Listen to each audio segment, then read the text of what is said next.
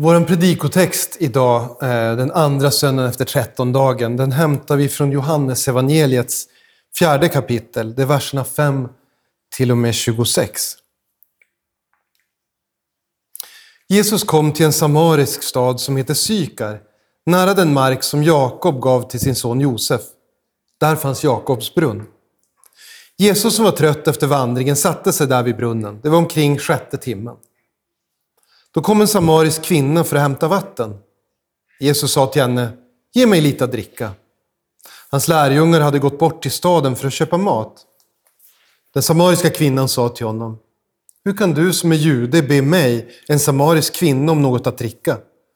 Judarna umgås nämligen inte med samarierna. Jesus svarade henne, om du kände till Guds gåva och vem det är som ber dig, ge mig lite att dricka. Då skulle du ha bett honom och han hade gett dig levande vatten.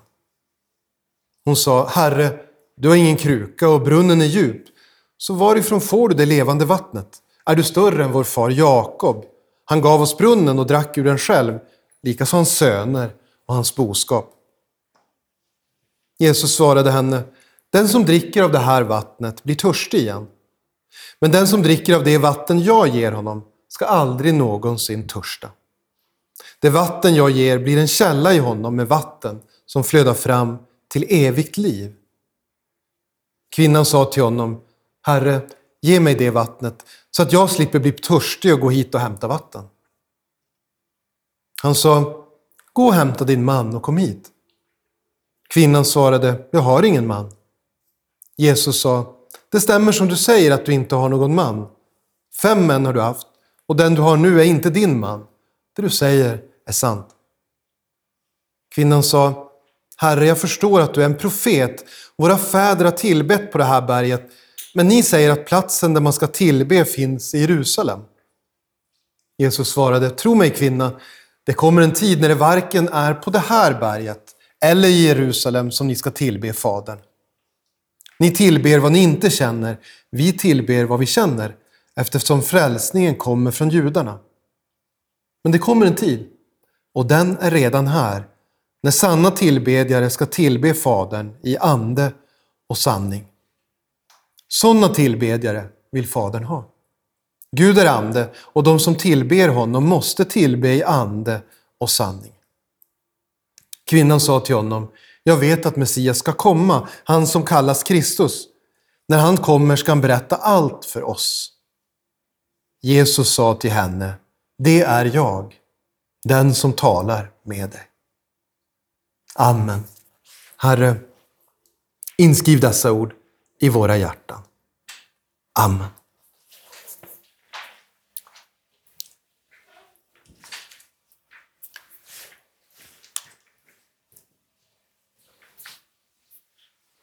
Vem är du egentligen? Vissa som är här samlade idag känner varandra väldigt väl. Och kanske kan svara ganska utförligt på den frågan även om andra. Andra kanske vi känner lite mindre väl. skulle kunna vara så att vi fick ny information som, som ändrar vår uppfattning om en människa vi trodde att vi kände. I vår text idag så tror den samariska kvinnan att hon förstår vem Jesus är. Han är en judisk man. Och judarna umgås inte med samarierna eller samariterna. Men i den allra sista versen i texten så säger Jesus någonting märkligt. Det är jag, Jahwe. Och det är ju det högsta gudsnamnet. Kvinnan blir ställd för att hon får en helt ny syn på vem det är hon talar med. Jesus visar vem han är. Vi har pratat om det förut, men lite repetition. De här samarierna, eller samariterna, som det hette när jag var yngre. Då stod det alltid samariterna i bibelöversättningarna. Det var ett folk som levde i nutida Israel. Och det var ett blandat folk. Eh, Israel hade ju blivit besegrat militärt av Babylon Och så hade man deporterat en massa människor. Men man har också flyttat in andra folkgrupper in i Israels territorium. Juda fanns fortfarande kvar, men landet var uppdelat. En del såg sig som ett rent judiskt folk och de hade tillgång till Jerusalem, de hade tillgång till templet, tempelberget. Och sen fanns det en annan del som då kallades för samariter, eller samarier. De var både judar och andra folkslag. De tillbad inte i templet. Och det är osäkert vad som kom först, om det var att de inte fick tillträde och därför tänkte att äh, de där rönnbären ser sura ut, vi vill ändå inte tillbe i templet. Eller om det var så att de från början istället ville tillbe på berget. Men det blev i alla fall en sån uppdelning. Samariterna tillbad inte i Jerusalem. Man trodde på bara de fem Moseböckerna, men inte resten av Gamla Testamentet. Och då var det också rimligt att inte tillbe i templet, för templet kom ju efter Moseböckerna. Det var ju ett, ett uppdrag som David förbereder och hans son Salomo färdigställer. Templet i Jerusalem. Och eftersom samarierna både hade ett annat sätt att utöva sin tro, men dessutom var etniskt blandade, så såg judarna på dem som orena. Så det var stark fiendskap mellan de här två folkgrupperna. Det vanliga var för en jude att resa, om det då var vandring eller om man kunde rida, om man var tillräckligt rik, runt Samarien om man skulle till andra sidan. Man tog en lång omväg. Innan våra verser idag står det att Jesus måste gå genom Samarien och det gillade nog inte hans lärjungar. Varför måste han det? Jo, för att han måste visa för den här kvinnan vem han egentligen var. Samarierna för en tynande tillvaro. Eh, 2012 gjorde man en folkräkning och då kunde man hitta 751 samarier eller samariter. Men de har blivit fler. För 2022, tio år senare, så uppgår de till 874. Så det är en liten rest ändå. I vår text idag, då kallar Jesus den samariska kvinnan. Han kallar på henne. Han erbjuder henne levande vatten. De står ju vid en brunn. Han är törstig och ber om vanligt vatten. Och sen för han in samtalet på någonting andligt som hon först inte förstår. Han säger, det vattnet som jag kan erbjuda dig, det släcker törsten för alltid. Och det tycker hon låter jättebra. Det var ofta kvinnornas uppgift att hämta vatten. Det var ett tungt jobb. Vi förstår att brunnen låg utanför byn eller stan. Så man fick gå långt med tunga krukor och så fick man gå långt hem med ännu tyngre krukor när de väl var fyllda. Tänk att kunna dricka vatten som gjorde att man aldrig blir törstig igen. Det lät ju tipptopp, jättebra. Det ännu märkligare med det här vattnet, säger Jesus, det är att om man dricker av det, då blir det till en källa hos den personen som andra kan dricka av. Det låter så konstigt så det frågar hon inte ens om. Det frälser den som dricker, men det frälser också andra.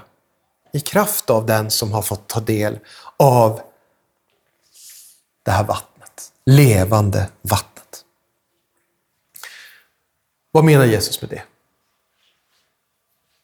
Den som får ta del av evangelium och tror på det, den får ta del av levande vatten. Och när vi väl har fått det så behöver vi inget annat.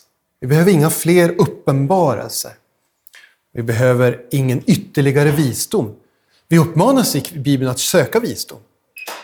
Att söka att bättre förstå Guds ord, att studera det, att hålla det heligt, att gärna höra och lära oss det.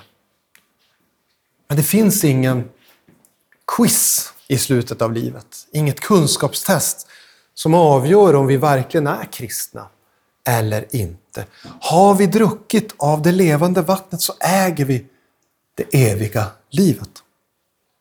Och dessutom, säger Jesus, så skapas det en källa i oss som blir till glädje för andra. Alltså, när vi berättar om det vi har fått inse genom den helige Ande, att Jesus dog för alla människor, då blir det till välsignelse och glädje för andra. Kvinnan i dagens text, hon förstår inte Jesu erbjudande. Och det kan man förstå, eller hur? När Jesus säger att det här levande vattnet blir en källa i den som dricker av det och att man aldrig blir törstig igen, så säger han, hur är det möjligt? Vi känner igen den frågan från Nikodemus. I Johannes evangeliets tredje kapitel så smiter ju Nikodemus iväg. Han är del av Stora rådet som avskyr Jesus och vill fängsla honom och till slut också lyckas få honom avrättad. Men Nikodemus är fundersam. Kan Jesus vara den han säger att han är? Han söker upp honom på natten och så samtalar de om tron och så säger Jesus till Nikodemus för att komma in i Guds rike måste du födas på nytt. Va? säger Nikodemus. Hur är det möjligt? Hur är det möjligt? Och det är en bra fråga. Hur är det möjligt? Hur är det möjligt att en människa som har växt upp i ett sekulärt land som Sverige, som har fått lära sig att människan har kommit från aporna och att allt det vi ser omkring oss är en slump. Kommer från en stor explosion som föregicks av en tidigare explosion, som föregicks av en tidigare explosion. Sen vet vi inte riktigt vart allt kommer ifrån, men det är i alla fall en slump. Hur kan den som har fått lära sig under hela sitt liv, det finns inget moraliskt rätt eller fel. Det är bara en kulturell konstruktion. Moral är någonting de styrande använder för att förtrycka sina undersåtar. Religion är ett opium för folket, sa Karl Marx. Hur kan den som har fått lära sig det komma till tro på Jesus? Hur är det möjligt? Det är en bra fråga. Evangeliet är ingenting vi förstår av oss själva. Det låter orimligt. Varför skulle Gud ge oss någonting helt gratis? Utan krav på oss. Varför skulle vi få förlåtelse utan först förtjäna det? Utan att först visa god vilja och göra goda gärningar och, och kanske vallfärda till någon helig plats eller, eller i alla fall visa vår hängivenhet med att be vid utsatta tider. Gärna så att det blir obekvämt för oss. Hur är det möjligt? Ja, Jesus visar vem han verkligen är. Att han kommer med ett främmande budskap, till och med för de som tycker att de känner Gamla Testamentet och förstår det. Men det är inget främmande budskap egentligen för den som har läst Gamla Testamentet. För det är samma budskap som gavs till Adam och Eva. Och samma löfte som gavs till Abraham. Abraham trodde och det räknades honom till rättfärdighet. Jesus kallar människor än idag. Det var ett väldigt fint vittnesbörd tyckte jag vi fick höra, ni som var med här när Open Doors kom hit och berättade om sin verksamhet. Om att människor omvänds till tro även i länder där det är förknippat med livsfara och yttre förföljas. Jesus kallar människor även idag. I det här kapitlet, del av samma händelseförlopp, så kommer lärjungarna tillbaka. De har ju varit inne i stan. Och så kommer de tillbaks och så ser de att Jesus samtalar med kvinnan och de blir väldigt förvånade över det och tycker att det är konstigt. Varför lägger han tid på henne? Dels är det lite moraliskt opassande att han som ogift talar med henne som ensam kvinna där. Det gjorde man inte på den här tiden. Det fanns risk för att folk flörtar med varandra. Jesus han struntar i det för att han har någonting viktigt att säga. Men det är nog också så att lärjungarna tänker, varför talar han med en samarisk kvinna? de är ju orena. Så det är en kulturellt förståelig reaktion. Och de har rätt i att hon är ovärdig. Därför att Gud kallar bara ovärdiga syndare.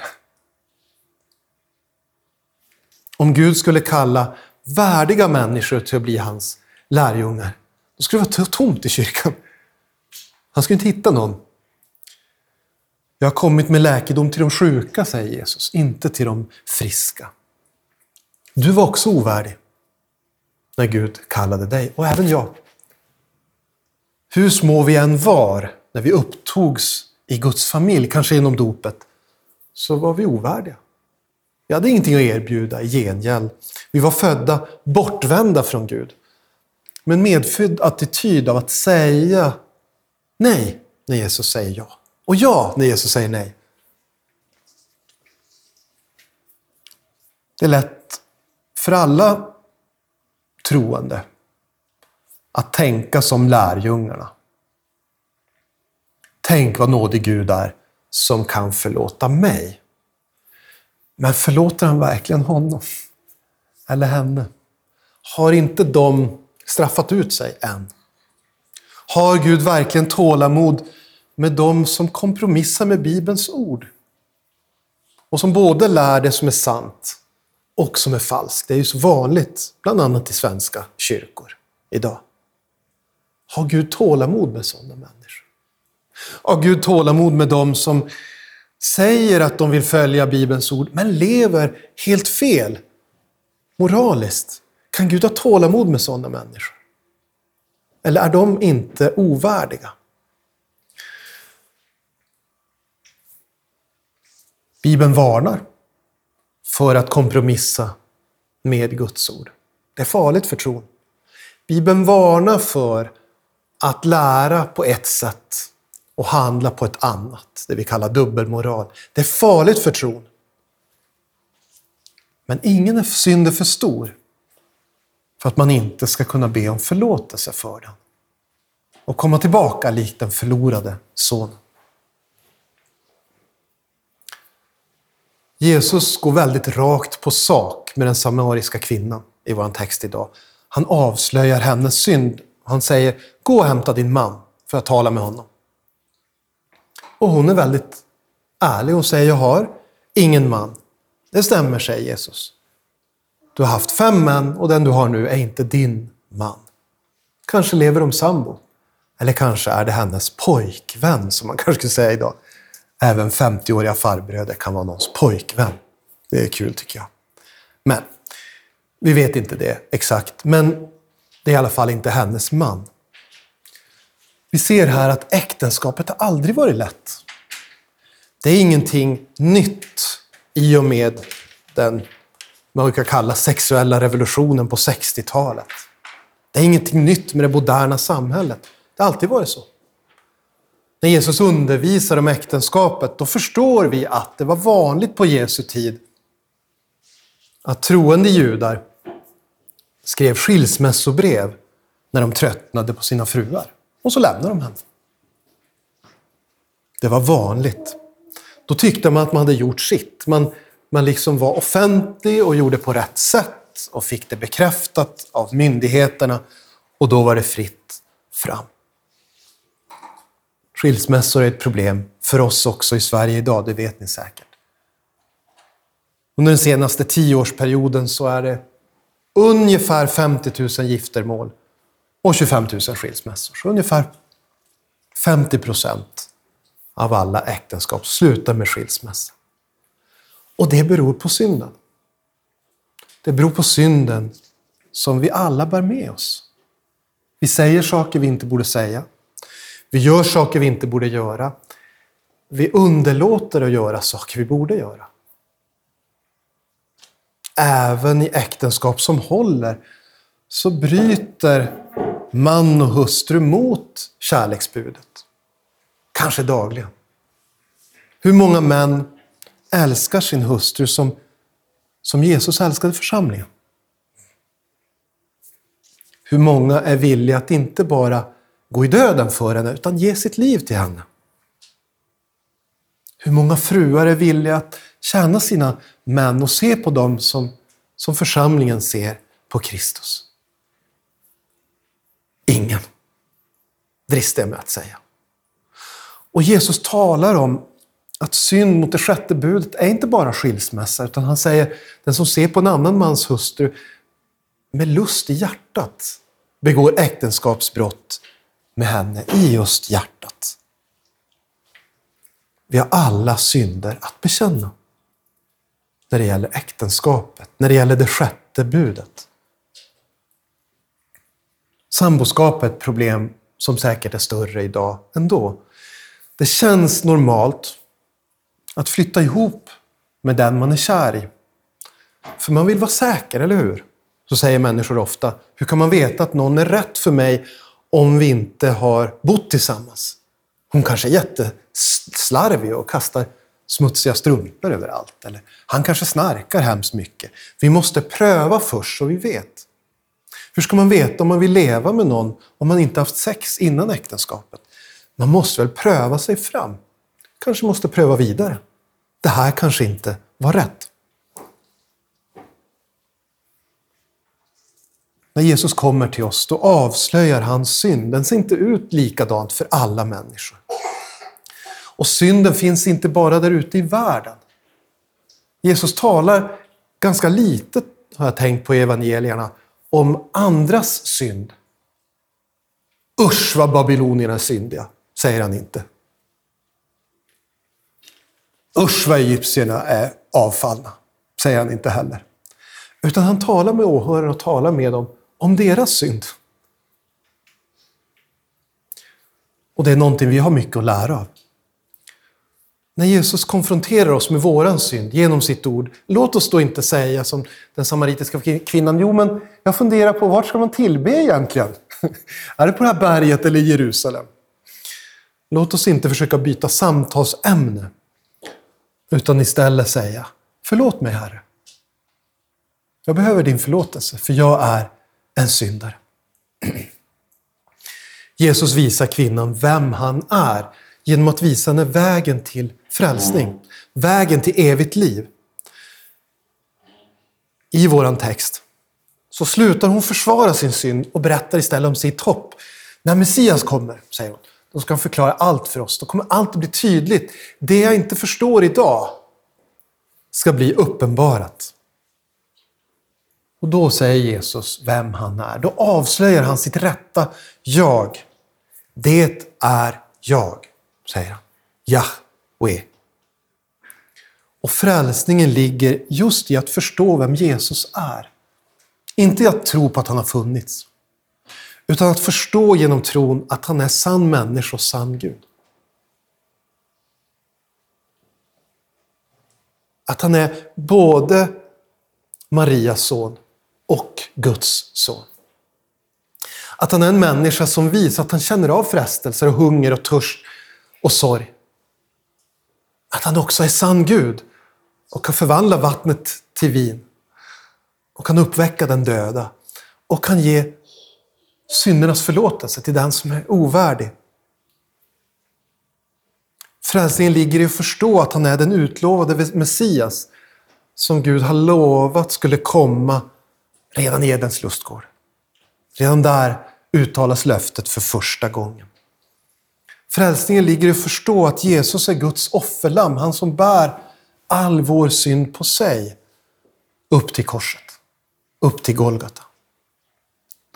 Frälsningen ligger i att förstå att Jesus är idag den uppståndne härskaren över både himmel och jord. Han är våran frälsare och en dag kommer han också att vara vår domare. Jesus uppenbarar vem han är. Vi kommer alla att inse det mer och mer under livet. Vi vet det genom tron, men, men när vi ställs inför prövningar och ser att tron bär, även när isen inte riktigt gör det, Även när vår egen styrka inte är tillräcklig. Även när vår tro är svag. Även när vår vilja att uppoffra oss för Kristi rike brister. inte så helhjärtade som vi önskar att vi vore, då ser vi att Jesus är den han säger att han är. Han har fullbordat Guds frälsningsplan. Ingenting är kvar. Ingenting är ofärdigt. Jesus kan säga till kvinnan, jag är Messias. Jag erbjuder dig levande vatten och evigt liv. Utan att säga, omvänd dig först och visa sen vad du går för. Sen kan vi snacka. Och samma erbjudande ger han till alla människor. Även idag. Ta del av det levande vattnet. Ta del av det eviga livet. Ta del av syndernas förlåtelse. Amen. Låt oss be.